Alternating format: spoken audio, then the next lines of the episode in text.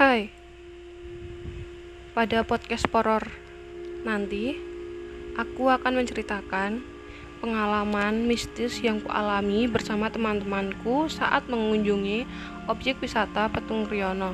Bukan di tempat wisata Petung Kriono, Petung Kriononya. Ah, aku dan teman-temanku tidak jadi melanjutkan perjalanan ke Petung Kriono dan tidak sampai tempatnya ke Petung Kriono aku dan teman-temanku memutuskan untuk kembali pulang.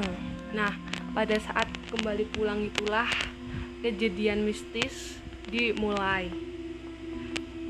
Bagaimana? Silahkan langsung klik aja podcast horror